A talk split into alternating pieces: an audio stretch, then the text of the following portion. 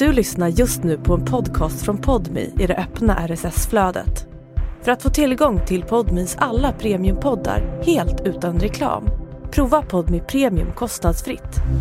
Ladda ner appen i App Store eller Google Play Hej på er mina kära vänner och varmt välkomna till ännu ett avsnitt av Nemo möter en vän. Och idag är vi framme vid avsnitt nummer 425 av denna långkörare. Och med mig denna vecka är kändispolisen, ex-Robinsonvinnaren, författaren och numera även riksdagsmannen Martin Melin. Ja, ni har ju själva, den här herrn har många strängar på sin lyra så det fanns ju mycket att snacka om i detta avsnitt. Och underhållande blev det.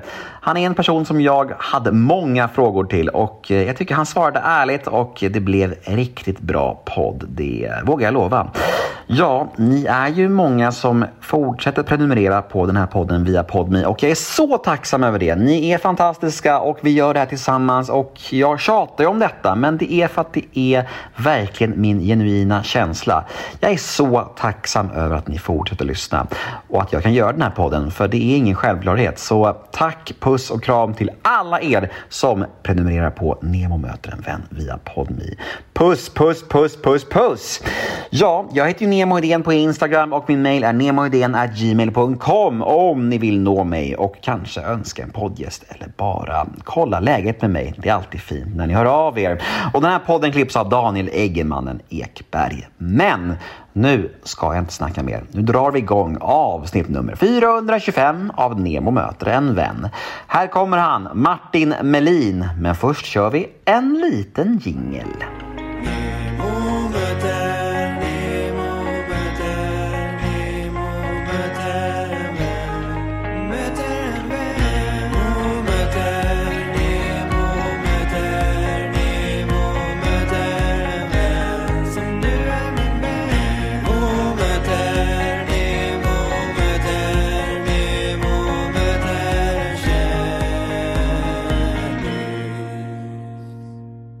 Kommer sent, du får, du får inte på dig lurarna.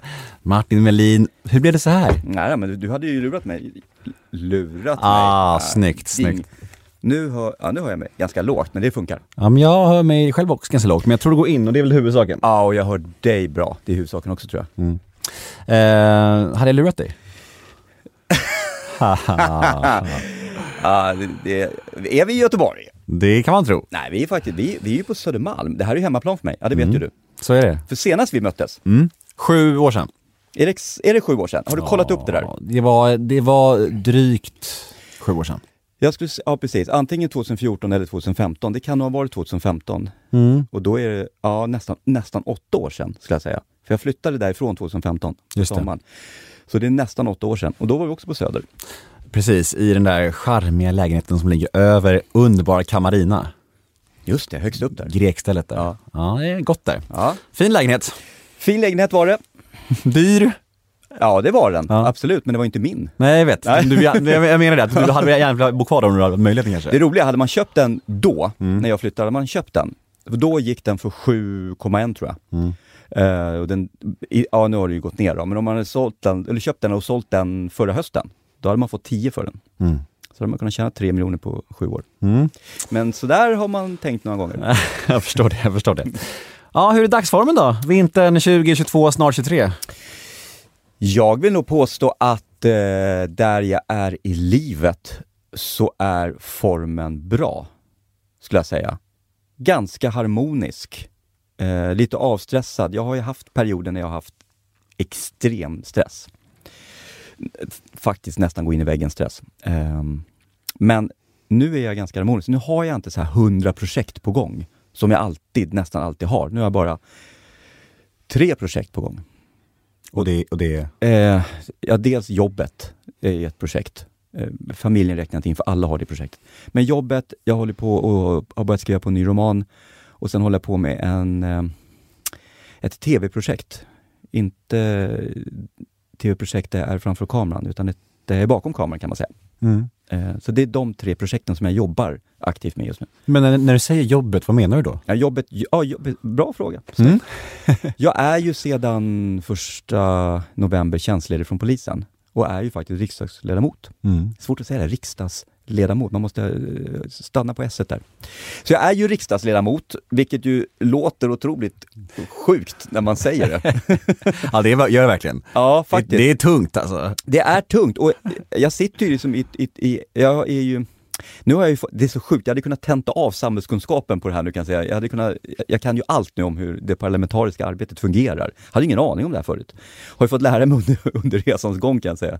Jag sitter ju och googlar ord ibland på möten. bara, nu ska vi bereda någonting. Jag bara, bereda? Vad gör vi då? Sårbart. Mm, ja, sårbart. Men, men, eh, men, eh, nej, men jag, är- jag är eh, fast learner, men alla har det här. Alla som börjar i riksdagen nya har ju, måste ju lära sig hur det fungerar, arbetet, utskottsarbetet. För det är det det handlar om egentligen när man är riksdagsledamot. Eh, så jag sitter ju i utrikesutskottet och det är ju tunga ämnen. Det är ju NATO, Iran, Turkiet, alltså det är EU, det är ju tunga ämnen vi sitter. Jag sitter ju även då som ersättare, suppleant, i eh, justitieutskottet. Det är ju mer hemmaplan, kan man säga. Där känner man verkligen hemmaplan. Men det roliga är att när man tänker på vad vi gör, så det är ju den absoluta politiska makten i Sverige. Det är sjukt alltså. Och där sitter jag. Alltså jag, jag, jag, det är sjukt. Ja. Alltså no offense, men det, det är sjukt på ett Ja, sätt alltså. ja men det är det. För du känner ju mig från, från, på, på helt andra, från helt andra liksom, sidor. Mm. Och här sitter jag helt plötsligt och som går runt i, i skjorta och kavaj och slips och, och är vuxen på ett annat sätt. Och man tänker ju och tror att det ska krävas mycket mer politisk erfarenhet för att hamna där. Ja, Eh, jag, jag, kan väl säga så här då. Ehm, vem som helst kan inte gå in och sätta sig. Så är det bara. Du måste ha någonting på fötterna och du måste ha någonting med dig.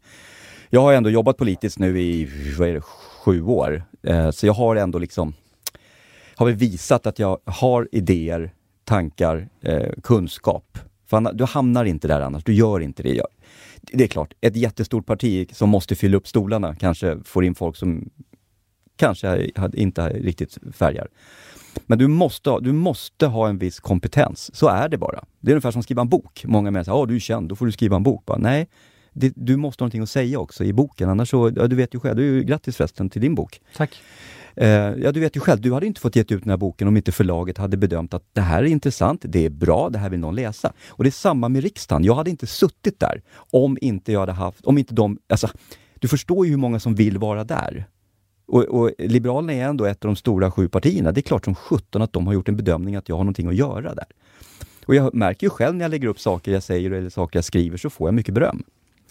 Så att, eh, men, men ja, man måste lära sig. Man, man lär sig allt eftersom, men man måste... Men å andra sidan, riksdagen ska ju spegla folket. Det är ju det det handlar om. Jag representerar ju mina väljare. Jag representerar ju de som har röstat på Liberalerna. Jag representerar dem. Jag vet ju vad de tycker och tänker och de vet vad jag tycker och tänker och det är därför vi är i samma parti. Och jag får ju ta med mig vad, vad, vad de tycker. Det är det det handlar om. Och om det är ett ämne till exempel, som nu imorgon ska jag prata i riksdagen igen, eh, om bistånd, biståndsbudgeten. Vad vet jag om bistånd?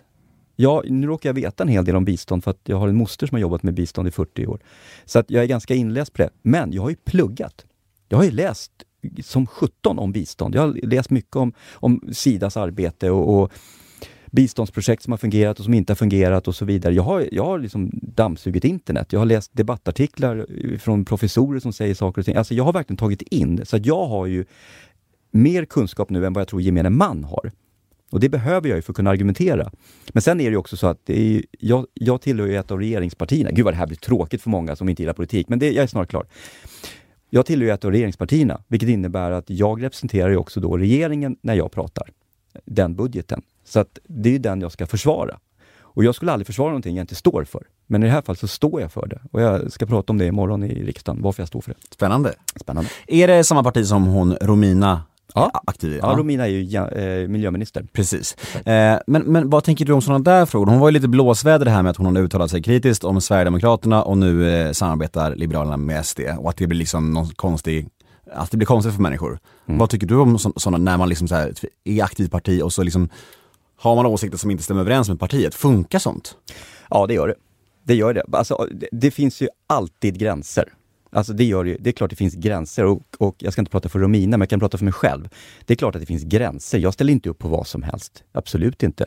Skulle, skulle vänstern helt plötsligt få majoritet och säga nu stoppar vi äganderätten här i Sverige. Ingen får äga någonting. Det är klart att inte jag hade stöttat det. Då hade jag bara sagt, men sorry, då kan inte jag stå för det här. Och det är ju samma nu. Skulle regeringen ha lagt fram, vi har, vi har ju, eh, idag vet vi vad regeringen vill, vi har Tidöavtalet. Och när jag läser igenom Tidöavtalet så kan jag stå bakom allting. Jag kan stå bakom allting. Det finns saker i Tidöavtalet som jag tycker att, ja men det här hade jag nog inte föreslagit, eller det här, hade det här är ingenting som jag liksom hade tyckt egentligen. Men jag får köpa det för att jag får igenom det här andra som jag är för. Det är så det handlar. Vi har, vi har ju inte ett parti idag som har 51 procent. Och då får, man, då får man ge och ta. Men det finns ingenting som är liksom eh, man, man pratar om de här röda linjer och såna grejer. Alltså att det finns ingenting som är på andra sidan den röda linjen, för mig. Um, och jag kan som sagt inte prata för Romina alls. Hon har ju klimatfrågan, det är en extremt svår fråga och det finns ingen som har, som har facit. Det, det är också ganska intressant. Det finns ingen som har facit. Du kan hitta 20 forskare som säger helt olika saker. Nu, nu, har, nu har ju regeringen en, en linje man väljer att gå på och det, det, det är ju fortfarande mot klimatmålet. Så att jag, försök det nu, vi testar det nu, får vi se hur det går. Sen får vi se om det inte gick och då får man väl peka finger och säga att det där var fel. Men jag tycker just nu så får, tycker regeringen får oförskämt kritik nu. De har varit liksom två månader. Alltså kom igen, alltså det har precis börjat. Vänta, vissa saker kan ju ta ett år, två år, tre år innan det liksom börjar ge resultat. Men så här, det är ju politiska spelet och jag tycker det är så jävla tråkigt att man måste gnälla. Liksom så här. Acceptera att nu är, det, nu är det de här som styr och nu vill de prova det här, men då provar vi det då. Eh, precis som vi provade sosseregering under åtta år och det gick väl sådär. Vissa saker gick bra, vissa saker gick inte bra. Då, då får man väl prova så. Men, men, men nej, det går inte att representera ett parti där man inte står bakom den politiken. Det går inte. Och jag, jag, tror inte att det är någon som gör det, för att det jobbet, till exempel som minister, är så svårt och så utsatt. Att då stå till exempel i en TV-debatt och tvingas försvara någonting du inte står för, det går inte. Det går inte. Och det här är ju inte några människor som är sellouts direkt, det kan jag ju säga på en gång. Det här är ganska begåvade människor. Dessutom skulle de få ganska välbetalda jobb på andra platser om det är så. Um, men å andra sidan, vi har ju haft, det finns någonting som heter EU-nämnden, har jag fått lära mig nu. Um, och det innebär, det är där riksdagen godkänner vad statsråden, ministrarna ska få säga i EU när de representerar Sverige. Och till exempel förra mandatperioden, då fick ju, var ju miljöministern nere där och fick ju då eh, prata positivt om kärnkraften. Vilket de var ju jätteemot. Därför att det hade riksdagen bestämt att vi skulle. Och det är lite, för det fanns majoritet för det. Och då måste den, det statsrådet i EU representera Sverige och tala väl om kärnkraft. Du förstår ju hur snurrigt det kan bli. Jag vill se den debatten där Romina tvingas prata positivt om SD. Vi får se. Ja, kanske kommer. Jag tror inte det kommer komma. vi får se. vi får se. Men du, eh, har du sett resultatet av, av eh, vår gemensamma lilla underhållnings-tv-serie? Här är på täppan? Ja. Jajamensan, sett varje avsnitt. Ja. Det är ju lätt att se avsnitt där det går bra. Alltid, ja, ja. Alla TV, tv-produktioner man har gjort där det går bra är det ju lätt att se. Och jag har ju, peppar peppar, so far när jag varit med i TV, ofta lyckats väldigt bra. Det var typ en maskin-tävlingsmänniska. Ja, jag är det. Jag är faktiskt det. Som eh. krossar sin dotter till och med. Ja, vet du vad? Du var ju med där. Jag stod faktiskt och väntade och sa du får en chans till. Spring och hämta ett äpple, du får en chans till. Jag hängde ju inte upp min. Det sjuka var att jag hade inte sett just det där, för jag vet inte vad jag gjorde just då, men jag hörde bara från andra så här, Martin, han körde ut sin dotter. Och då tänkte jag bara så här, kan väl inte riktigt stämma, har han gjort det? Är han helt så här empatilös? Nej, Nej. vi hade ju det, vi, det var ju bara hon och jag kvar. Ja, men ja, och, precis. Ja, och för de som inte såg det så skulle man skala ett äpple och få liksom eh, skalet så att säga, som blev en längd på, jag vet inte vad kan det ha varit, 30 centimeter kanske. Mm. Och så skulle man hänga upp det på en liten spik och så skulle det nudda eh, marken eller eh, bordet så att säga. Och jag lyckades ju till slut få en sån och står och håller den och jag ser hur Fanny inte har lyckats, min dotter alltså. Och, då, och jag ser hon är liksom förtvivlad och panik och det är antingen hon eller jag som ska åka ut. Och jag säger till henne så här, spring och hämta ett äpple till och så skalar du. Lyckas du där, då, då lägger jag mig. Då får du det här. Hon misslyckas. Mm. Och då går ju faktiskt producenten in och säger så här, det, det här funkar inte. Du, hon kom, du vinner det här Martin, det är bara att ta det. Vi kan inte hålla på och lägga oss sådär. Så att det, var, det var väldigt jobbigt. Jag blev, jätte, jag blev ju jätteemotionell när, när hon åkte ut, för hon blev ju väldigt besviken. Dessutom så skar hon sig, vet du, så hon var ju jätteledsen där på stunden. Så att det var jobbigt, men hon, hon är en trooper och hon tar det där med, med bravur. Men eh, det som är intressant med sådana här program, när man ser dem sen på TV, är att det är så jävla... Jag fick en helt annan respekt för människor som tävlar i TV.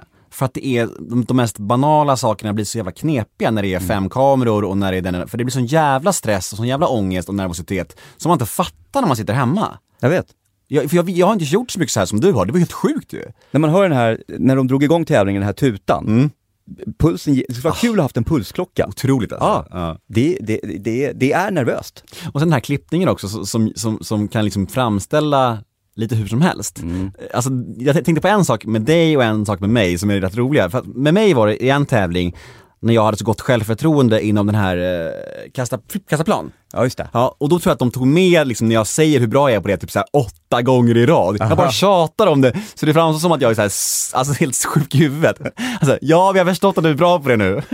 Samma sak med dig, med att du säger att du är favorit. Ja, jag det var också så här om och om och om igen va. Ja, jag är en favorit, en favorit som faller. Man bara, Martin vi förstår, du är Men- en favorit. Jag vet, men den, det, det där körde jag ju med i varje synk. Jo, Ah, ja. det, jag körde med det. Jo, men som favorit så är det ju jobbigt att eh, jag körde det Okej, så det var inte klippningens fel då? Nej, nej, gud, de hade, det, jag sa så överallt. Ja, ja, så den bjöd jag på.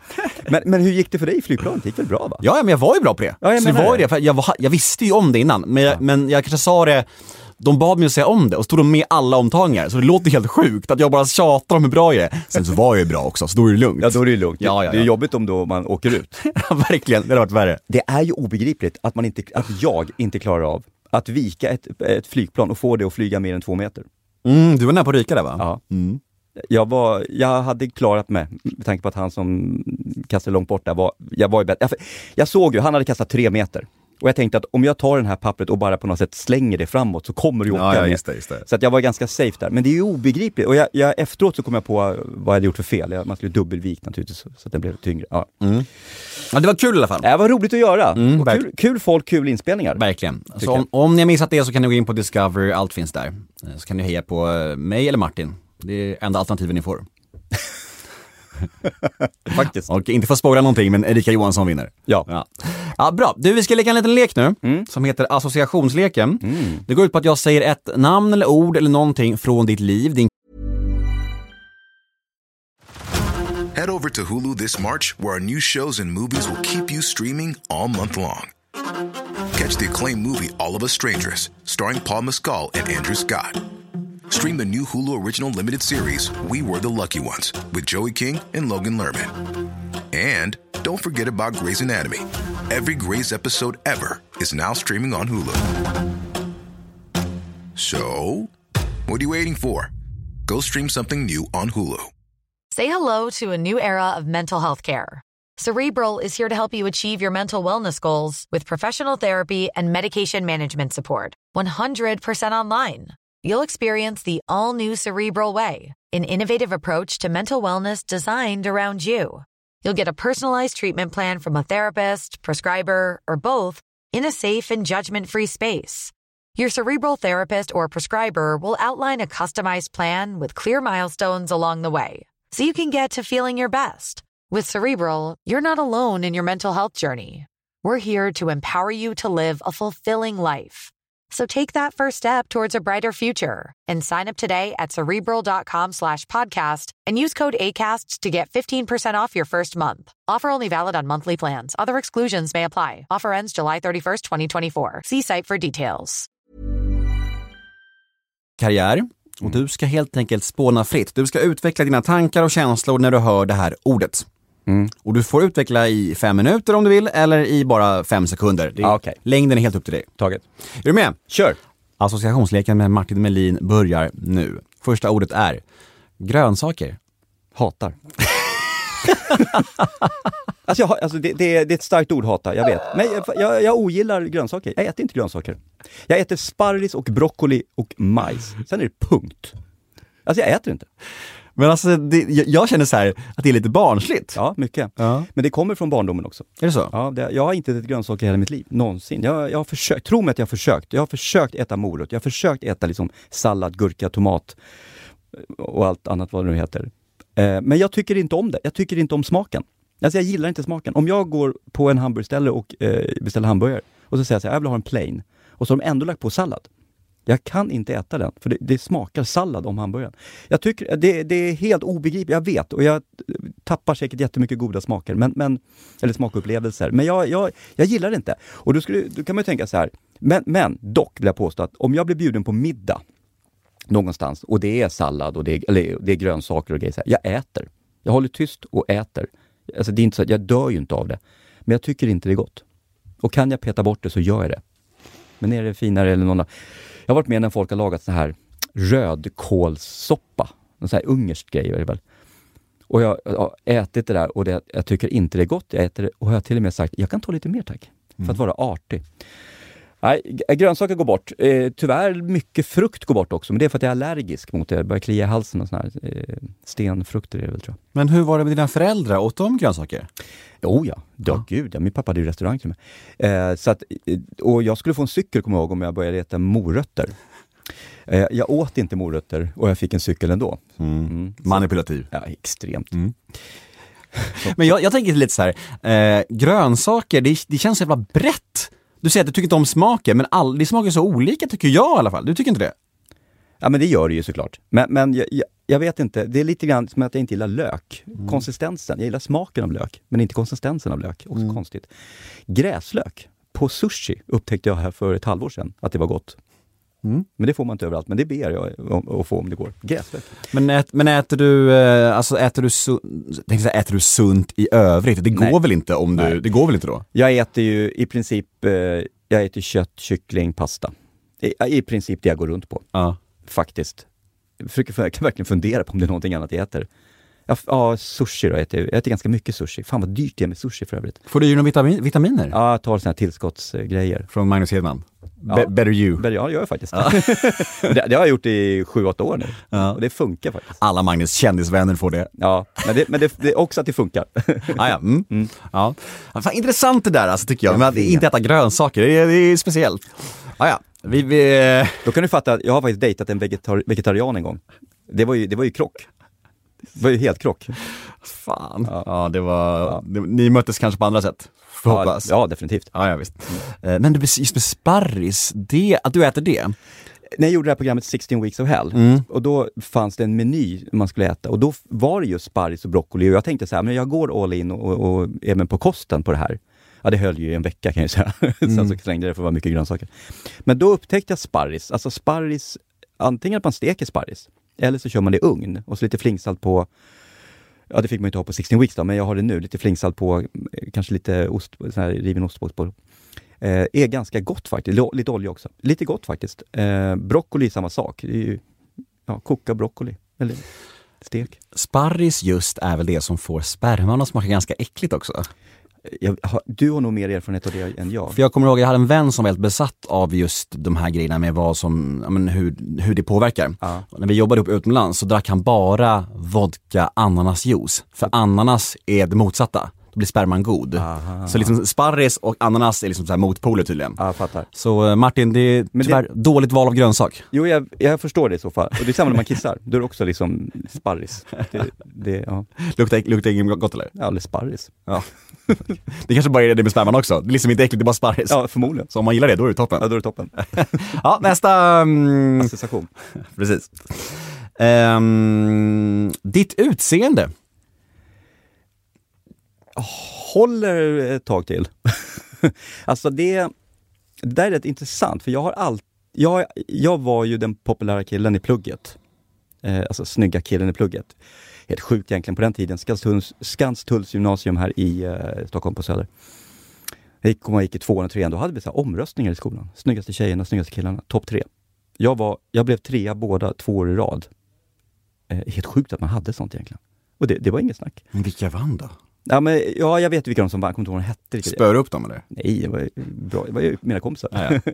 Nej, men så att jag har liksom allt, jag har alltid haft eh, ett utseende som har varit liksom, som har funkat.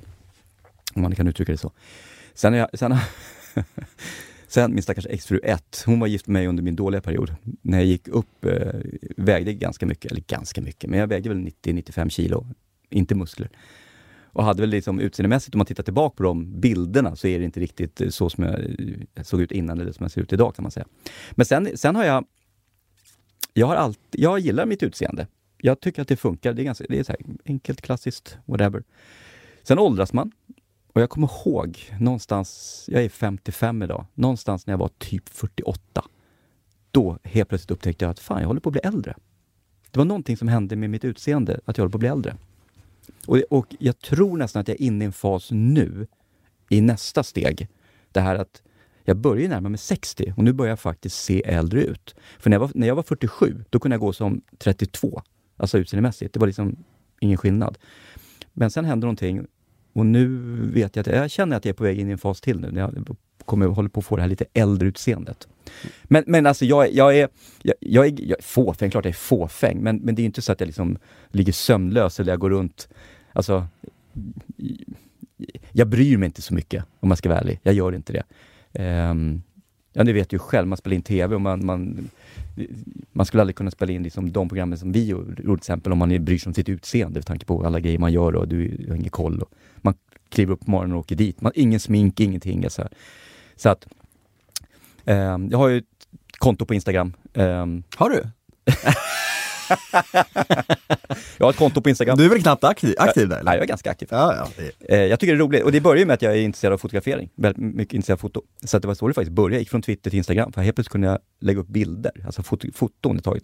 Då visade det sig att folk bryr sig inte om mina bilder utan de vill mest ha bilder på, på mig. Och när jag de vill mest ha bilder på när du sliter ditt hår, drar det bakåt så här. Ja, det var ett tag, det var mycket bara överkroppsbilder och ja. det gillar de. Nu är det inte så mycket sådana längre faktiskt. Det är ganska sparsam, återhållsam med sådana bilder. Men de där nyvakna bilderna, de får mycket likes va? Ja, det får de. och mycket DMs. Ja, det får jag. Det, det, du, du, har läst det där helt rätt Nemo. De är knulliga. Eh, ja, det gör de.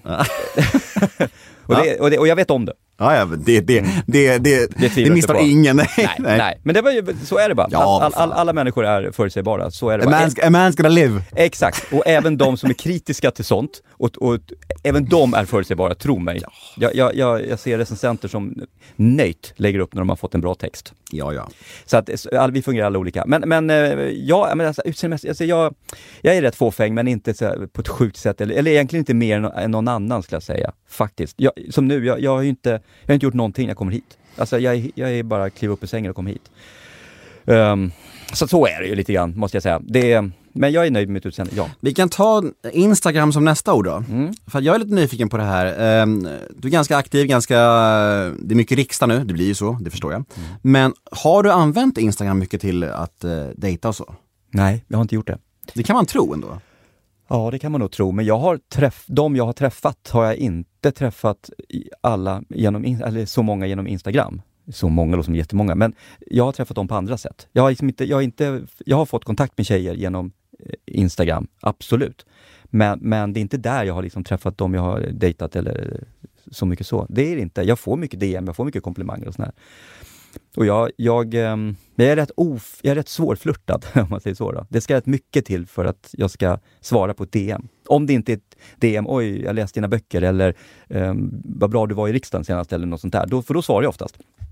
Men någon så här, gud vad snygg, och så två hjärtan. Jag svarar inte på det. Utan är man intresserad av mig och man vill få kontakt med mig, då måste det vara lite mer finess. Faktiskt. Det är inte bara ett sött utseende som, som funkar. Då får man säga så här, du är så bra på att kasta flygplan Martin. Ja, och ironiskt, ja men ironi gillar jag. Hade det varit ironi och sagt det, gud jag vill att du kommer att lära mina barn hur man viker flygplan. Det, är en skit, det hade ju funkat. Ja, ja visst, ja. 100%. Så att, eh, nej men så att, ja, nej men jag, absolut. Det, jag, jag um, jag får ju kontakt med folk, men jag också får kontakt med folk. Alltså mm. män, alltså jag har kollegor som skrivit till mig om saker jag sett, eller jag har skrivit eller sagt, och har fått kontakt med, och kollegor som jag sen har träffat när jag varit ute i landet och sådana saker. Så jag har fått liksom vänner genom Instagram också. Man vet aldrig vad du menar när du säger kollegor. Ja, förlåt, poliser. Ja, det. Mm, mm. Men hur bemöter du eh, kritik och hat och sånt då? Är du en sån som försöker kommunicera och förstå människor, eller blir blocken?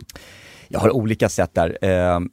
Jag, jag blockar väldigt få jag blockar de här klassiska polishatsmänniskorna, du vet, som bara är ute efter saker. Det finns ju de här rättshaveristerna som...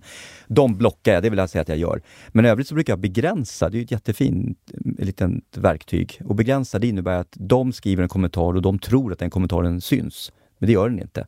Jag läser den och ser den och sen om jag vill godkänna den kan jag göra det. Och är det en, en ren dum kommentar, då godkänner inte jag den. Men den som har skrivit tror att den syns och är där. Så ordet begränsa någon är jättebra. Jag kanske har begränsat 50 eh, personer sammanlagt, så det är inte jättefarligt. Jag får inte speciellt mycket hat.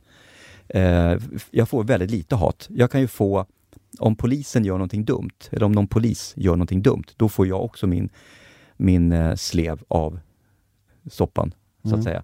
För då, då skriver folk till mig, ja vad tycker du om det här? Och det, ni snutar, så bla bla bla. Och det är bara så här, ja, Alltså det rinner av mig. Jag har varit polis 32 år, tro mig. Det, jag, jag, tar inte till mig personligt av saker och ting. Det är väldigt lite jag tar till mig av som är... Jag får som sagt väldigt lite hat. Jag kan få gliringar och såna saker, men det köper jag. Jag har mm. inga problem. Jag sticker ut hakan ibland också. Då får man ta gliringar. Jag, inga, jag tar det. Men jag, det jag inte köper är rena påhopp eller rena dumheter. Eller det så här 000-konton som någon har skapat ett konto för att gå in och skriva en kommentar. Jag tar bort det direkt, det är inte seriöst. Ska man vara kritisk eller ska man, ska man vara elak, då får man fan stå för det, tycker jag. Då, då får det stå kvar, då köper jag det. Om jag tar debatt, jag har tagit debatter så att säga, i kommentators, eller kommentatorsfältet, det har jag gjort. Där jag försökt liksom försvara eller gått in mina argument. Och jag brukar göra det ett par gånger. Och det handlar inte om att övertyga någon, jag vill bara förklara min ståndpunkt i vissa saker. Sen har jag ju, jag har ju 116 000 följare, så att det går ju in folk och försvarar mig eller försvara min ståndpunkt också. Så, att säga. så jag brukar kunna lämna det där ibland och så får de sköta det själva. Liksom. Din svans, som man säger. Ja, svansen tar över det. Mm. Men begränsa, jag har inte ens hört om det. Vad, vad mm. bra, jag lärde mig något, något nytt här. Do it. Skitbra det, det är bra, för då, tar, då, då, får de fortfarande, de kan se det fortfarande, de kan delta. Och ibland så, jag har ju varit med och begränsat folk för att de har skrivit dumheter mm. i kommentarerna. Men sen helt plötsligt så skriver de liksom också bra saker. Så det innebär att det är en människa som då, okej, okay, ja men då godkänner den. Men mm. du är mm. fortfarande begränsad tills du har visat att du är liksom, och så.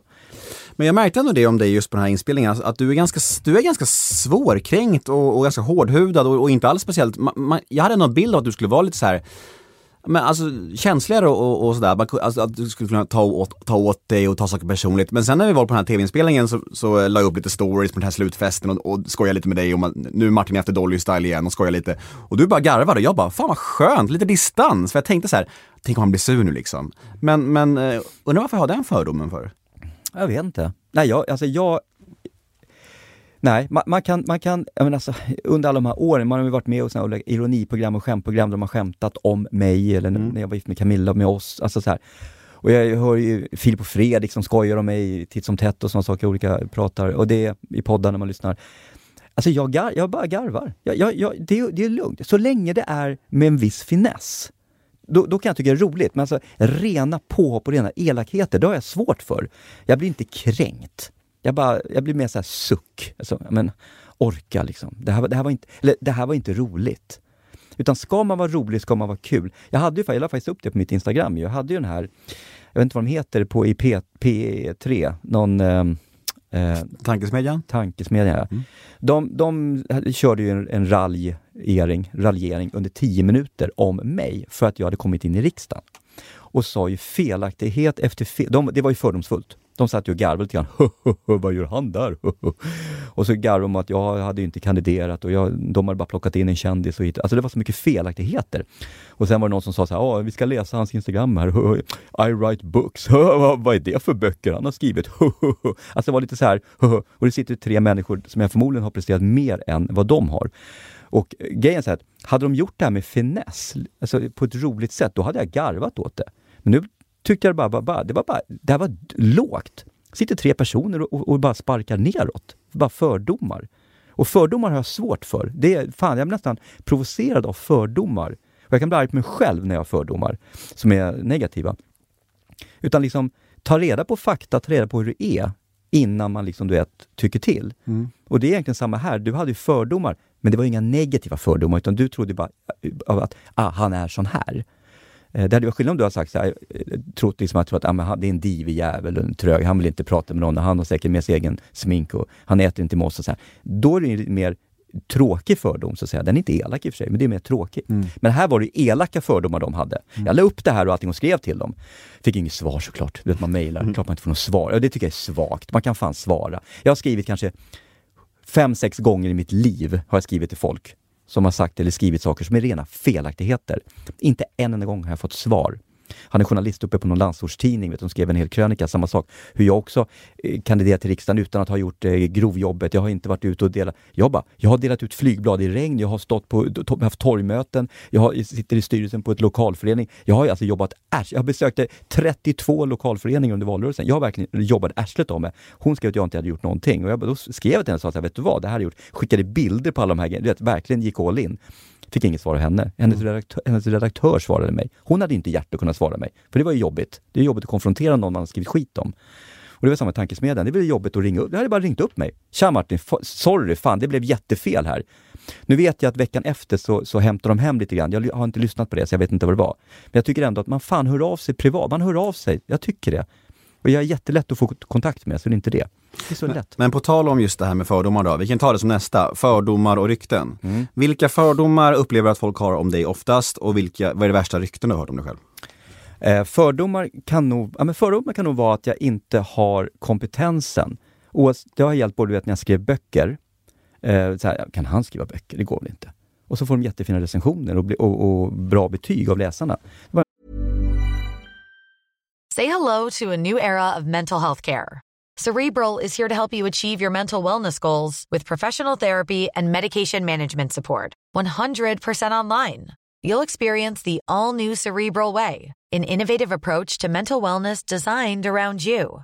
You'll get a personalized treatment plan from a therapist, prescriber, or both in a safe and judgment free space. Your Cerebral therapist or prescriber will outline a customized plan with clear milestones along the way so you can get to feeling your best. With Cerebral, you're not alone in your mental health journey. We're here to empower you to live a fulfilling life. So take that first step towards a brighter future and sign up today at cerebral.com slash podcast and use code ACAST to get 15% off your first month. Offer only valid on monthly plans. Other exclusions may apply. Offer ends July 31st, 2024. See site for details. Hey, I'm Ryan Reynolds. Recently, I asked Mint Mobile's legal team if big wireless companies are allowed to raise prices due to inflation. They said yes. And then when I asked if raising prices technically violates those onerous two year contracts, they said, What the f are you talking about, you insane Hollywood ass? F- So to recap, we're cutting the price of Mint Unlimited from $30 a month to just $15 a month. Give it a try at mintmobile.com slash switch. $45 upfront for three months plus taxes and fees. Promo for new customers for limited time. Unlimited more than 40 gigabytes per month. Slows. Full terms at mintmobile.com. fördom. När jag skulle börja med politiken var också folk som men vad gör han här på vår, på vår kongress? Liksom? Och så går jag upp och pratar och efteråt kommer folk fram och säger shit, det här var skitbra, kan du komma och prata hos oss också? En fördom. Han, var, han hade tydligen någonting att säga. Så det är två klassiska fördomar som jag har fått, att folk tror att jag inte liksom är kompetent. Um, att jag, att, att jag inte är med i matchen. Liksom, så här. Det där, och det, jag, vet inte, jag tror att det, har man en, liksom, en dokusåpastämpel på sig, nu råkar det ändå vara Robinson som ändå är liksom en ganska bra dokusåpastämpel i så fall. Men har man varit med i en dokusåpa så tror jag någonstans att det blir man får en stämpel på sig. Ja, du vet ju själv hur det är. Du, får se, du, är du är ju jag, jag tror många har fördomar om dig för det du har gjort tidigare. Men du är ju en begåvad människa, vilket du också har visat, tycker jag, allt efterom. Allt, med, med den här podden om inte, annat, om inte minst. Och genom boken allting. Du är ju en begåvad, smart kille, social. Eh, och som har haft en historia, en bakgrund och liksom en, en historik som är, är, är ganska djup och ganska mörk. Men du är inte den killen som jag tror om man bara hade sett eh, Tyresands-gigget eh, liksom. Så att, så att där har folk säkert fördomar om dig också. Eh, jag hade inga fördomar om dig, för jag, vi har gemensamma vänner och såna grejer, så jag vet ju mer saker om dig innan jag träffade dig ordentligt här nu med inspelning. Så jag hade inga fördomar om dig. Men det är klart att jag har haft en bild Mm. som sen ställs på ända. Eh, så att det där, det där det är nog, det är nog, det, de, det, det möter jag ofta kan jag säga. Rykten, jag, jag fick rykte om, det var rykte för, eh, kan det vara tio år sedan, att jag, att jag satt anhållen för våldtäkt. Oj, Den är intressant. vad gjorde det med dig? Ingenting. Nej. För jag satt ju inte jag hade, Det är ju obegripligt. Det är, ju så, alltså, dumrykten är ju bara såna, det, är ju bara- det, det, är ju inte ens någonting att bry sig om. För alltså dum, det är bara så här, det är skillnad om det är rykten och saker som finns som sanning i någonting. Då kan man säga, oh, oh shit, hur vet folk det här nu liksom? Så här, Jaha, fan, ja, har jag skattefuskat? Eller du vet, har jag, ja vad man nu har gjort. Men, men dumrykten, det är ju bara så, det är, det det är ingenting att bry sig om. Nej. Nej, då går vi vidare till nästa då. Eh, på tal om skattefusk. Mm. Eh, polisyrket och så. Vi pratade lite eh, innan vi spelade in här om det här med att parkera fel som polis och så. Mm. Eh, och jag förstår ju att du inte hade kunnat säga här i podden om du hade gjort något olagligt någon gång. Alltså som var en, Absolut. ja, men har gjort något olagligt som är, är lite spännande också? Eller bara liksom så här tramsolag? Ja, det är ju trafik. Alltså trafik. Jag har inte, blivit, jag har inte åkt fast. Men det är klart jag har kört för fort. Ja. Absolut. Och vad, vad händer, eller är det utbrett hos polisen tror du att använda sin eh, bricka, eller vad man nu ska säga, för att komma undan med saker? Till exempel, alltså, vi säger så här, fortkörning eller parkeringsfel, eller att man bara säger nej men, så här, ja, händer det mycket tror du? nu är vi tillbaka nästan på, hos fördomar egentligen. Eh, jag vill påstå att det inte, an, inte är utbrett, eller inte används. Det är klart som sjutton att det finns poliser som använder sin bricka för att gå före kön eller några sådana saker. Det vet jag ju har hänt, eftersom jag själv har varit på ett sådant jobb där en polis på fyllan skulle visa brickan för att komma in på, ja, på krogen. Och dörrvakten ringer och bara... Och jag kan säga att det där är så pinsamt. Det, det, för det där, det där slår ganska hårt mot den personen. den polisen. Det är otroligt skämmigt. Och, och inom kåren så ser man ju ner på sådana saker. Det är så här, var inte ute på fyllan och vifta med, vifta med polislägget, för då är du en jävla tönt alltså. På riktigt. Då får du stryk i innebandyhallen. På riktigt. Alltså du, på riktigt får stryk i innebandyhallen. Du trycks till ordentligt. Det är som att vara en sexbrottsling i fängelse typ. Ja, ungefär. Kan man säga. Det, det kan säga. En- Det, det enda stället där vi poliser kan ge igen på varandra, det är innebandyhallen. Ja, precis. För det var ju så här, oj då. Eh, men, men, men nej, alltså. Och det här med att man, som vi pratade också om, det här man, man kör, sätter på blåljusen för man ska in med sin varma mat och såna här saker. Det finns ju inte heller.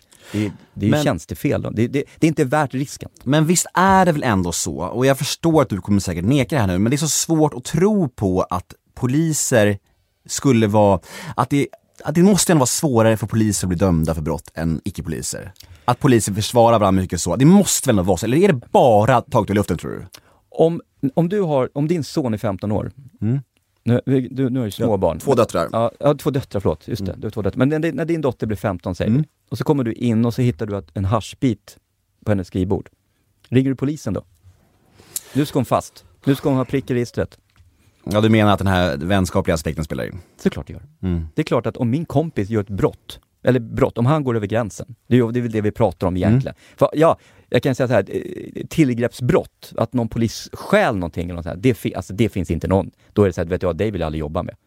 Du, du ska inte vara polis. Alltså det är där, där det, det, är en, det, är, det är ingen röd linje, det är en svart linje, så den går inte att gå över. Men vi har det här att en polis, en kollega som går lite över gränsen. Jag har sett kollegor gå över gränsen. Men långt ifrån vad jag tror människor tror. Jag tror människor tror att polisvåld är vanligt. Nej, det är det inte. Jag ser också de här Youtube-klippen. Men det kanske finns, säg att det finns 25 Youtube-klipp. Och då pratar vi direkt, där, där, där, det, är, det är superfel. Det är, alltså, det, är, det är verkligen det är polisvåld i Sverige. Och då görs det 100 000 ingripande om året. Alltså det är extremt ovanligt. Det poliser är, är att man kan vara hårdhänt. Jag har också varit hårdhänt. Jag har också varit liksom i gråzonen, det har varit mer hårdhänt än vad jag egentligen behöver vara. Men det är inte våld. Det är inte, det är inte i svarta zonen, det är inte olagligt. Och då ska man veta att de här vi hanterar, de här människorna, det är ju, det är ju våldsamma människor oftast. Det är ju folk som är, påtända, med psykotiska, eller de är extremt aggressiva. Jag brukar säga till människor så här, om, om du Nemo skulle ta en kompis och så ska ni försöka ta mig. När jag föreläser i skolor så brukar jag ta upp två stycken och säga så här, vilka är de tuffaste grabbarna i plugget? Ja, det brukar alltid vara Pelle Johan. Och så kommer det upp två stycken. Och så får de vara poliser. Så här, nu är ni poliser, säger jag. Jag står på torget. Och så pratar jag med micken och säger så här, nu står jag på torget. Nu ringer de till er. Det står en full man på torget. Johan, Pelle, ni måste åka dit. Och då står de och tittar på varandra. Vad ska vi göra? Ja, men åk då, säger jag. Nu ni kör bil, då får de leka att de kör bil. Så, här. så kommer de till torget. Och, så står, så, och på scen då så blir de ju handfallna. De står där bara.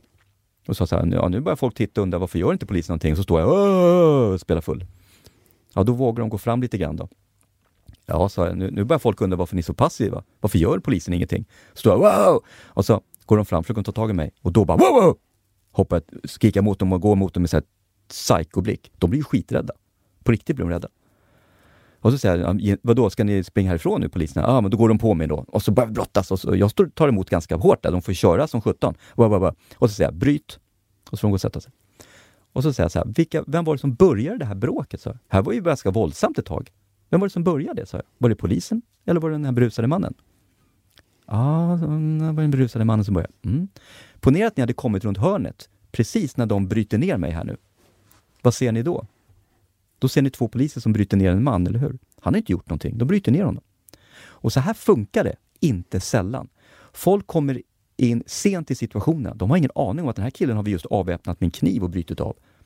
Han ligger och skriker. Han skriker som 17. Ja, men det är för att han, tar, han, han, han gör sånt motstånd att vi måste vara tre personer på honom. Det går inte. Vi måste ligga på honom. Vi måste trycka ner honom. För det går inte. Och det här är, det är så, folk förstår inte. Jag brukar säga, och därför vore det så skönt om folk som är kritiska och ser saker, testa själv. Var två personer och försök ta hand om en person som inte vill följa med. Det går inte. Så att det här polisvåld är, det är väldigt ovanligt. Däremot att, att polisen använder våld, det är inte ovanligt. Varje gång, varje gång man ska ta hand om en person, gripa en person, så kan det bli stök. Men om, om man ska ta ett steg längre då, och, och, och det här blir ju ett extremexempel nu, men jag tänker på den här Erik Torell-grejen. Ja. Och då tänk, för det kändes som att när den grejen hände, och eh, jag läste på en del om, om det här och, och, och eh, att liksom, man, man visste liksom att de inte skulle bli dömda innan. Det kändes bara så, och det är lite, lite det jag menar. Det ska till så extrema saker för att polisen ska bli dömd som en vanlig människa har blivit. Mm, jag, jag backar. Du, du har, din fråga var ju faktiskt, blir poliser, är det svårare för poliser att bli, bli fällda? Anledningen till är att poliser anmäls lättare. Eh, och, eh, men eh, för att en åklagare ska gå till åtal så krävs att han liksom verkligen tror på att det här kommer bli någonting. Så att om, jag, jag tror att det brukar ligga ungefär på tusen anmälningar varje år i Stockholm mot poliser. Och det är väl så här 40 som går till åtal. Och då tycker man så här, det är ju ingenting. Nej, men det beror på att de, de här 960 eh, ungefär då, de, det har inte varit något brott. Det har varit legalt. Det kan, jag, har, jag har ju varit anmäld sju, åtta gånger. Ingen av de gångerna har varit legalt. Jag har varit anmäld av en person som jag grep, satte in i, i eh, polis, bilen, åkte till polisstationen, låste in. Jag blev anmäld för olaga frihetsberövande. Han hade liksom begått ett brott och jag blev anmäld. Så det är också en anmälning och det blev avskrivet för det var ju legalt. Och om vi tar Erik Torell där som säger, jag, inte, jag, jag har ju läst kanske lika mycket som du om det här och allting och, och så. Och det var inte glasklart att de skulle frias. Däremot så, så deras skjut, deras, deras, alltså man måste förstå de här poliserna. Eh, de får en uppgift att det går en beväpnad människa i de här kvarteren. De får se en beväpnad person. Och det här har gjorts tester och det här kan man själv göra en test. Jo, men de borde ha sett att det var ett leksaksvapen. Helt omöjligt. Totalt helt omöjligt att säga att det är leksaksvapen. Den diskussionen, tar, den kan man, för då skulle jag kunna ta med vem som helst och bara springa in här jättesnabbt med någonting. Och så säger vi så här, vet du vad, vi säger att det är en, en, en paintball. Med, där kulorna har legat i frysen innan. Du har ingen ansiktsmask, ingenting. Så ska du sitta i soffan. Jag springer in. Och så ska du avgöra falskt eller inte. Jag kommer skjuta. Antingen sitter du kvar eller så får du ta upp en mask. Du får fem sekunder på det. Vågar du göra den utmaningen? Nej, det gör du inte. Och det är vad vi poliser frontar. Vi vet inte om det där är ett falskt vapen eller inte ett falskt vapen. Det gäller alla situationer vi jobbar i. Så att den diskussionen kan man ta bort. Äh, leksaksvapen, ta bort den. Det är ett skarpt vapen. Okej, det är ett, ett barn. Att han har Downs syndrom är helt ointressant, för det ser du inte heller på det här avståndet, att kunna bedöma det, det typiska utseendet. Utan det här är ett barn. Kan man se det? Det här ljuset, det var, ändå, det var, det var inte mörkt, det var inte ljust. Det var ju på sommaren det här, mitt i natten. Eh, avståndet var väl någonstans runt 15-20 meter. Du, du snabbt bara ser du kommer någon. Dina ögon kommer fokuseras på vapnet. Du ser ett vapen. Fuck, ett vapen. Sen kan man diskutera huruvida skjutningarna, ska alla skjuta och allting? Eh, Va, va, var det 26 skott han hade i sig? här? Ja, men inte 26 i sig va? Ja, men något jag sånt tror där, ja. Och det är väl det kanske man reagerar mest på? Ja, exakt. Men där blir det så att du vet, alla ser ju samtidigt det här. Ja, man ser ibland de här klippen, jag brukar se klipp ibland från amerikanska poliser, där de ju tömmer maggen allihopa, trots att de ligger ner och allting. Och det, är- det är inte okej. Men här, om inte jag är helt ute och cyklar här nu, så har man, bedömde man de skott som träffades, det är något skott som träffades när han är precis på att vrida sig, eh, att de skotten som träffades har man bedömt var godkända. På, om vi, för man måste tänka så här, ponera att det här hade varit en fullvuxen man med ett skarpt vapen. Hade då skotten varit okej? Det är så man måste tänka. Vad chockad jag hade blivit om du sa så här, de här borde blivit dömda. Nej, jag- nej, nej, nej jag, grejen är så här, men återigen, det, är en domst- det, det har avgjorts i två olika domstolar och, och så. Och jag, och jag, jag har inte tagit del av alla bevis, jag har inte varit med och var inte där. Och framförallt, jag var inte på plats när det var. Men jag brukar säga till folk, ponera att det här hade varit en fullvuxen man med ett skarpt automatvapen som var ute efter att döda sitt ex. Hade det då varit okej att skjuta? Så måste, du måste tänka så, för det är så polisen tänker när de kommer till plats. Sen är det så här att Sen, finns det den här diskussionen som, in, som förs, förs både internt och externt. Här. Ja, om det, var, om det hade varit rutinerade poliser, om det hade varit insatsstyrkan som hade kommit, hade det kommit avgörande. Det vet vi inte. Vi vet, mycket möjligt. Vi vet inte. Sen kan man diskutera att den tredje då, han som var utanför, han fälldes också. Och det var för att han hade arbetsmiljön och han hade inte informerat bra. Och det är också så här, allting bollas ju ner från chefer så långt ner i hierarkin så att det liksom... Ja. Fast fällas, det, det var mesfällning kan man säga. Att de blev inte dömda riktigt. Nej, men, nej precis. Nej, men han, blev, han, han blev åtalad. Han blev väl friad också. Jag tror Ja. han blev friad allihopa. Men alltså rent generellt då, sådana här, eh, hur polisyrket eh, visas upp i tv och så i media. Till exempel det här tunna blå linjen. Har du sett antar jag? Mm, jag har sett den. Tycker att den eh, speglar verkligheten? Ja, Bra. jag tycker den är rätt bra. Första, eh, andra säsongen har jag inte sett hela, men första tyckte jag var rätt bra. Mm. Ehm, extremt lik mina böcker för övrigt. Du kanske borde få lite stim där? Ja, ja, jag tror de har läst den. Är det så? Eller böckerna. Ja, jag tror de har läst dem. Ja. Eh, nej men de, de, ja, men de, de spelar, ju rätt, spelar ju rätt mycket, nu spelar de spelar ju rätt, ett, en, en rätt snäll miljö ändå, vill jag faktiskt påstå. Men, alltså det är ju tuffare om du åker ner till Rosengård och jobbar eller om du åker ut till Rinkeby eller Botkyrka i Stockholm. så kommer du hitta en miljö som är mycket, alltså det går, det går inte att föreställa sig. Nej. Det går inte att föreställa sig. Det, det finns ett sånt hat mot polisen och det kommer kanske inte riktigt fram i serien. Eller i... Eh, jag tycker man såg det här, var det Södertäljepolisen tror jag det hette, någonstans de följde på trean eller vad det var. Eller om det var på TV4. Där fick man väl lite inblick i kanske hur man, det här, hur jobbigt det är att bemöta, bli bemött som polis. Hela tiden för att du är en jävla snuthora, du drar åt helvete, det här är vår mark, vad gör ni här? Och allting. Det, det, det, det, det är sån uppgivenhet från, från allas håll på något sätt. Mm.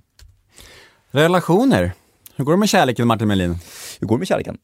Det är den de ring, var 14 dag ringer eh, Nej. nå- någon från, jo, jo, Är det så? ja, fast det roliga är att de, de säger så här, ah, vi tänkte prata lite om julen. Mm. Ja, eller vi tänkte prata lite om eh, riksdagen, eller vi tänkte prata lite om Herre på täppan. Eller, Sen bara skohornar de in. Exakt. Ja. Och sen, ja, och hur hur går det med kärleken? ja, men nu är det jag. Nu är Nu det det- roligare. Det är roligare. Nu är det roligare. Nej, ehm, alltså det finns ju, i min värld finns det, definiera, man måste definiera rela- relation, relation. I min värld finns det tre olika definitioner, eller tre olika stadium. Stadier, stadium.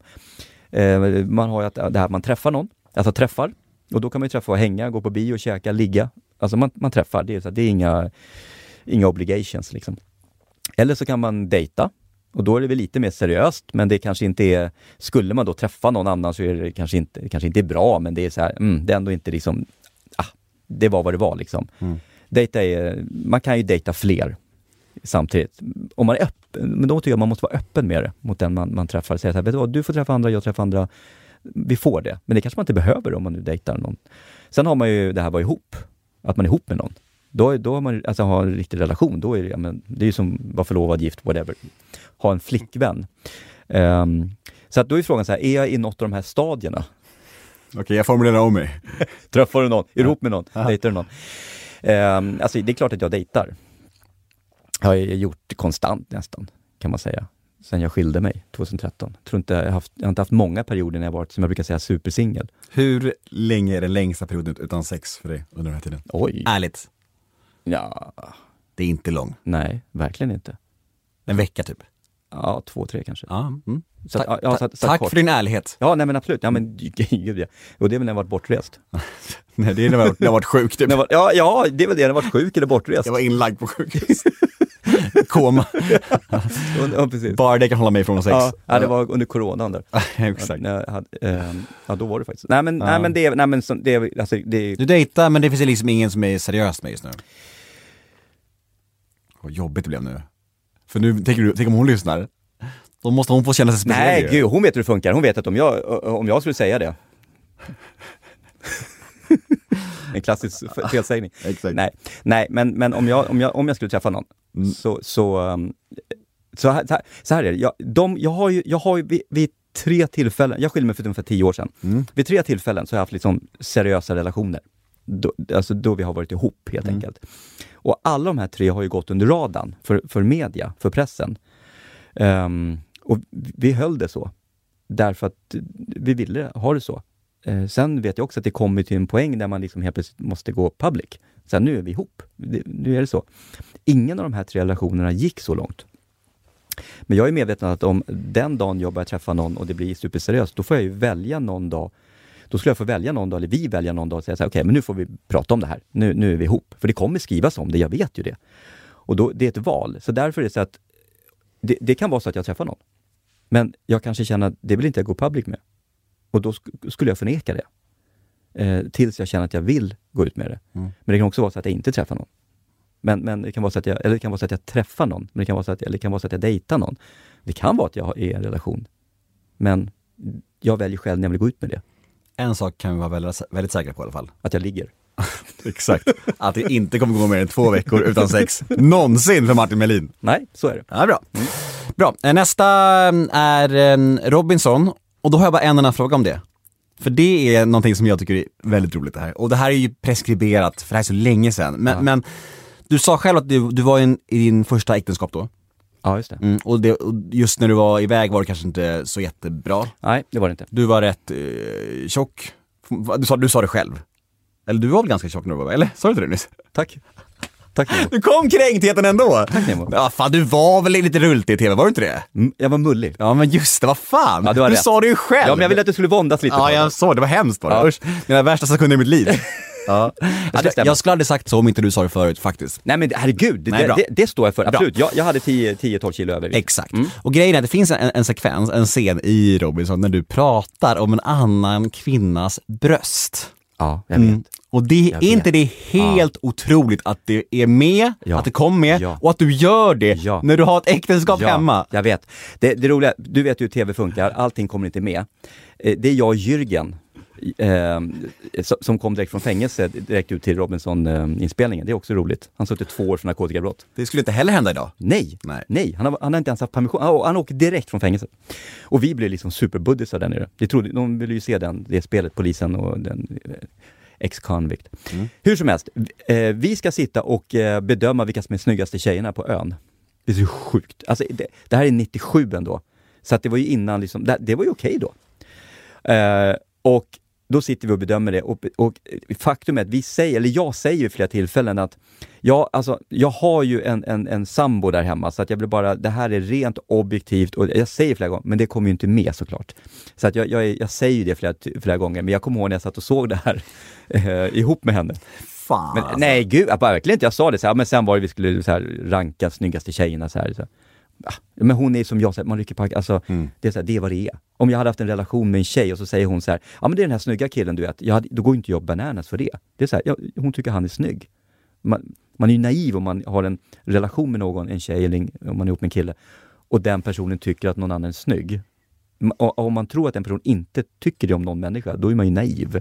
Och då är det bättre att vara ärlig med det och öppen med det, så tycker jag någonstans. Att man kan Ja, prata gud, med- jag håller helt med. Men just Ja. att det kommer liksom i tv. Ja, jag kanske. vet, jag vet. Ja, men jag, vet du vad? Det är roligt att, det, det här är intressant eh, för, för de som inte har sett Robinson. Då, hela, hela säsong ett ligger ju på Youtube. Eh, sen, jag tror ett halvår tillbaka, upptäckte jag. Och det intressanta är att jag var inne och kollade där. Eh, kom till just det här klippet. Och då tänkte jag så här, jag tänkte jag skulle lägga upp några roliga klipp från Robinson, för det är ändå 25 år sedan nu och så här. Jag tror inte jag har gjort det, jag tror jag har lagt upp ett klipp så här från. Och då kom jag till det här och tänkte att det här kan jag inte lägga upp. Jag kan inte lägga upp det här. För att idag är det här inte okej.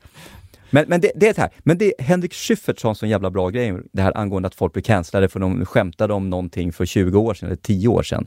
Och han säger det att det som då var, var okej att skämta för då, kan man inte nu gå och liksom klandra folk för. För det var en annan tid.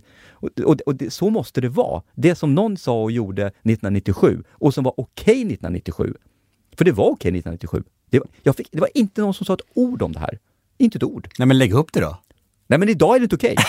Idag är det inte. Då, då hade folk "Åh, sitter ni och, och eh, vet du det, kroppsfixerade granskar... Du kan lägga, ihop, lägga upp det med Schyffert-analysen intill. Ja, egentligen. Som caption. Ja, egentligen som jag Ja. gjort det. Det hade faktiskt varit roligt. fan. Men jag gör det kanske inte. Nej, jag förstår det. Jag förstår det. Ja, jag kan inte klandra det. Det där är, det där är, jag tycker det där är lurigt det där. Men det, det, det är i alla fall TV-gold, kan vi Ja, säga. ja, det är det verkligen. Det är Ja. verkligen. Ehm, alkohol. Jag dricker väldigt sällan. Faktiskt, jag dricker väldigt lite alkohol. Ehm, jag, första gången jag var full var 18 år. Kanarieöarna. Tequila. Eh, och sen, men, men nej, jag, jag dricker väldigt, väldigt sällan. Jag är väldigt, väldigt sällan full. Jag har haft kanske fyra, fem. Du vet, jag har varit så här tokfull. Men hur kommer det här sig då? Jag vet inte, jag idrottade rätt mycket när jag var liten. Sen har det bara blivit så här, så här lite kontrollgrej. Och sen, jag har, jag, jag har inte att jag behöver de kickarna liksom. Mm. Jag är ju sockerjunkie liksom, där har mitt beroende. Ehm, men inte, inte alkohol, aldrig haft. Känner inget sug, dricker hellre en läsk än, än sprit. En grönsakssmoothie? Ta, då tar jag hellre en mellanöl. Exakt. Jag. Måste jag välja? Grönsaker eller sprit? Ja, då blir det sprit. Ja, det är klart. Nej men så att jag, jag dricker väldigt sällan, yt, ytterst sällan. Och, framför, och också det här, i Sverige är det väldigt sällan jag blir liksom full ute på lokal. Däremot när jag är utomlands, då kan jag bli, bli mer full. Och det är det här, jag vill, man är ändå polis, man vill ha, jag vet inte, man, jag, man, man, har, man har ögonen på sig. Det är bara så, jag har ögonen på mig. Så att, eh, men alltså jag, ja. Jag, hårdast har jag nog festat med, med, ny, med poliserna i New York faktiskt. Jag har haft tre riktiga dåliga erfarenheter. Alltså där. Jättefull, vet du. Och så bodde jag hos mina släktingar som bor i, i Rye Brook, som är med, med, med amerikanska pendeltåget, liksom så här 40 minuter norr om Manhattan. Och tog sista tåget klockan 1.53. är så full så jag vet inte ens var jag är någonstans. Hamnar på det här tåget. Och då är det så här, I staten New York, då är skyltarna vita med eh, svart text. och jag kan alla de här med Maroneck och bla. Jag kunde dem utan till alla de här stoppen, Rye, bla. Så jag sitter som och somnar till, så här, liksom, tittar ut och så, ah, okej, okay, två stationer kvar, eller tre kvar. Mm. Ja, nästa ska jag Tittar upp och bara, vad fan är det här? Gröna skyltar? gröna skyltar? Och så bara av direkt. Bara, va, va, och vad är jag? Jag åkte liksom till Connecticut, jag har liksom åkt till nästa stat. Och, på, och är alltså full. Och klockan är ju då halv tre. Vad gör jag då? Jag ringer polisen. Hell, I'm a, I'm a cop from Sweden. De bara, uh, sorry we can't help you. Så att eh, jag la mig på perrongen och sov där. Till första morgontåget. Tänkte du att du skulle få hjälp då för att du var polis? Helt sjukt. Helt sjukt. En, en, en inblick i... Helt plötsligt förstod jag hur de här som viftar med polislägen kände sig. Jag tänkte precis fråga dig, hur mycket, det var många brickor som viftades där i New York av er?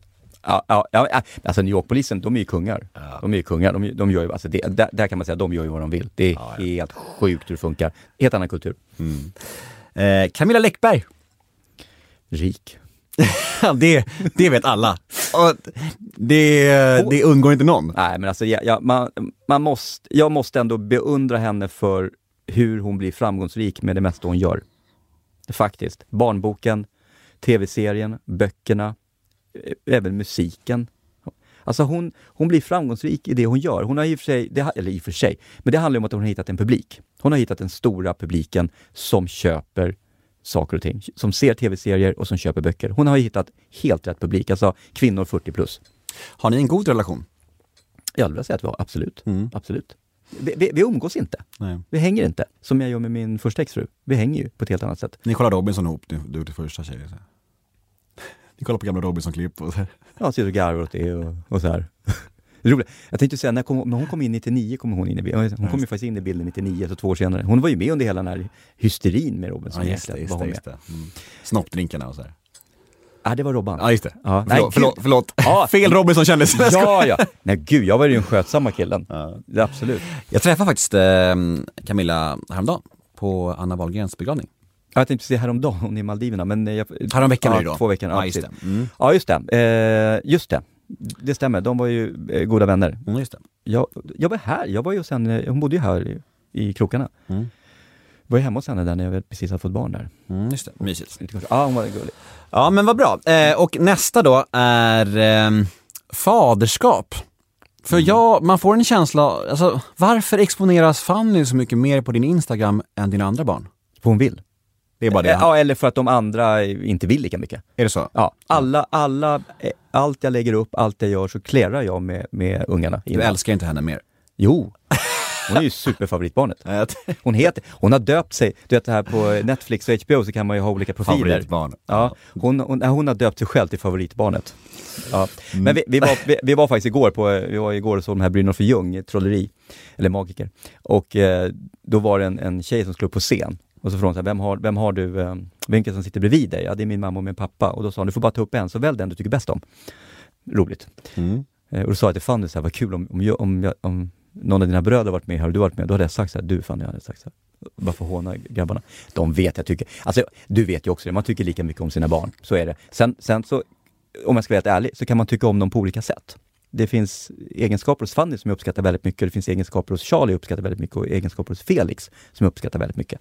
Så att jag har liksom olika, de, de, är, de är mina favoriter på olika eh, plan kan man säga, mm. olika nivåer. Men Fanny är ju naturligtvis för att hon är själv väldigt eh, exceptionist som jag är lite grann eh, på så sätt. Så Felix och Charlie är inte alls lika mycket. Och då, det, det har hänt bara så här jätteroliga grejer som jag har filmat eller man har tagit någon bild och så här, så säger jag, får jag använda det här? De bara, nej, nej, då blir det inte så. Då brinner det i huvudet för dig? Nej, men du kan tycka, fan det här har varit bra. bra innehåll! Ja, jag vet. Fan, förstår du inte innehåll? Ja, Ungjävel! Vet. Jag vet. Ja. Men, men, nej, men ja, det tycker jag man ska respektera 100%. Såklart. Mm. Såklart. Let's Dance. Oh, let's Dance. Fan att jag skadade mig. Mm. På riktigt alltså. Surt. Ja, så in i helvete. Jag hade inte vunnit det, absolut inte. Det var ju en, en drömsäsong alltså. Det var ju tre, Anis var duktig, Don Emina var duktig, eh, Anis var duktig, Eh, Michelle, eh, längdhopparen där, var, var fantastisk. Och eh, Keyyo var, var ju också fantastisk. De tre var ju... Eh, fan, eh, och Filip, förlåt. Och Filip Lamprecht också, förlåt. De fyra var ju outstanding. outstanding. Men jag hade kunnat konkurrera med de andra, det hade jag faktiskt kunnat gjort. Det vet jag att jag hade kunnat gjort. Så att det retar mig att jag, att jag faktiskt att jag blev... Eh, jag kunde alltså inte stödja på benet. Jag kunde, inte, jag kunde inte stödja på benet, så ont hade jag. Och skadade mig alltså på premiärprogrammet, dagen. På premiärdagen. På premiärdagen. Surt. På genrepet på morgonen så bara ah! Vad i helvete? Och det var ju muskelfibrer, som, alltså muskelbristning. Så du körde bara ett program? Jag körde tre program. Ja. Så jag körde, det var det första jag gjorde och, och, och då åkte ingen ut. Sen var det program två eh, och då gick jag vidare. För att jag fick så mycket röster från publiken, eller från eh, tittarna. Sympatiröster? Ja. Mm. Och sen så trean åkte jag ut. Fast det var ändå hårfint, men jag åkte ut trean. Men sen kom jag tillbaka på finalen ja. Och där fick jag ju dansa, då, där kunde jag dansa till 75 procent i alla fall.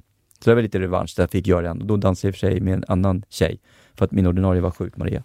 Dansade Ha- med Jasmine. Ja. Han du känna av den knulliga stämningen på Let's Dance? Det här var ju under pandemin. Ja, då var det inte mycket knull kanske. Nej, det var inte det. Mycket, det var, ma- mycket masker bara. Nej, vi hade inga masker, men vi var ju tvungna, vi, vi tog ju corona, coronatest varje, varje dag och mm, feber och grejer och fick inte umgås utan du vet, så här, Mm. lite distans. Så att det var en, en, en konstig säsong på så sätt. Jag tror vi, vi och det, allt annars, jag vet Camilla har varit med i Let's Dance, jag vet ju hur det var då. Och då är så här, och de går ju alltid ut efter programmet efteråt och det, de har ju så här, onsdagsparty och så. Ja, men, Ja, det är mycket knullande. Det är bara så. Och det, och Ja, det, det roliga, många, ja. gäst, många gäster här som varit med, de bara nej det är överdrivet. Nej. Men jag hade ju Tobbe här, eh, som vi tävlade ihop Ja. med i Här på täppan. Han Ja. sa ju det. Det är liksom hela harem. Ja, Det, där, det där är bara så bullshit. Alltså det, det liggs i Let's Dance. Ja, det gör det. Jag vet flera som har gjort det. Och, jag, och, och jag vet folk som har haft relationer som har gjort det. Och så, så, så att det, folk är otrogna i, i Let's Dance och folk, relationer bryts i Let's Dance och relationer skapas i Let's Dance. Mardröm att ha en partner som ska vara med i Let's Dance. Ja, fan ja. alltså. helt, helt ja. Ja, ja. Och framförallt, framförallt ehm, ja, det, så är det. Det, det. det intressanta är ju att dansarna som har relationer, där undrar jag hur de fixar det alltså. Men grejen är så här att de, dels är de ju så vana på något sätt, det här det fysiska närheten, för du, du står ju och trycker. Det finns ju en så här kön mot ben, som exempel, där tjejen ska alltså verkligen stå väldigt tight i ditt ben och liksom trycka sitt kön mot ditt ben. Det är ju en jävligt konstig situation. Men för dansarna är det här normalt. Eh, så att det, det, jag, jag tror att det... ehm, och, jag, och det kan jag nog säga att jag tror att det är, inte, alltså det är inte jättevanligt att dansarna på något sätt har relation med någon lika mycket som kändisarna har med varandra. Det, det vill jag ändå säga. Verk, verkligen inte hänga ut eh, dansarna på så sätt. De, de är ju så vana med det här och har sitt. Liksom. Sen, sen vet jag att det också har hänt mellan dansare och, och kändis. Det vet jag också. Några stycken till och med. Ja, det vet jag. Sigrid. Ja, ja, ja folk har ju blivit ihop. Ja, Ja, ja, hon ja. Har, ja precis. Så att absolut, absolut. Så är det. Eh, vi släpper det och så ska vi beta av några snabbfrågor här avslutningsvis. Oj. Är du med på det? Yes. Tänk om jag sagt nej och gått. Ja. Hej då, tack för idag. Tråkigt. ja. Dålig ställning. Mm. Ungefär som när jag sa att du var tjock i Robinson. Ja. Paradrätt. Eh, oxfilé, pepparsås och knaperstekt potatis. Vad missbrukar du? Socker. Vilken egenskap hos dig själv föraktar du mest? Lat. Ångesttrigger.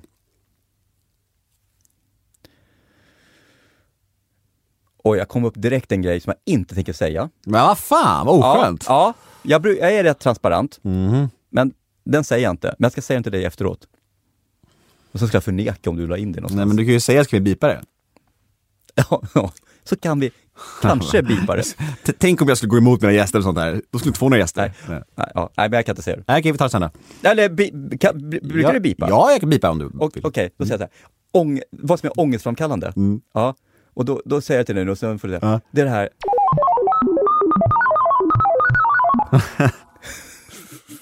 du vet, så här, det är en halvtimme till jag ska vara någonstans och så bara, nej jag hinner. Och så blir man sen. Ja, Ja. bra. Eh, ärligt. Fint. Eggemannen, du löser det där va? Bra.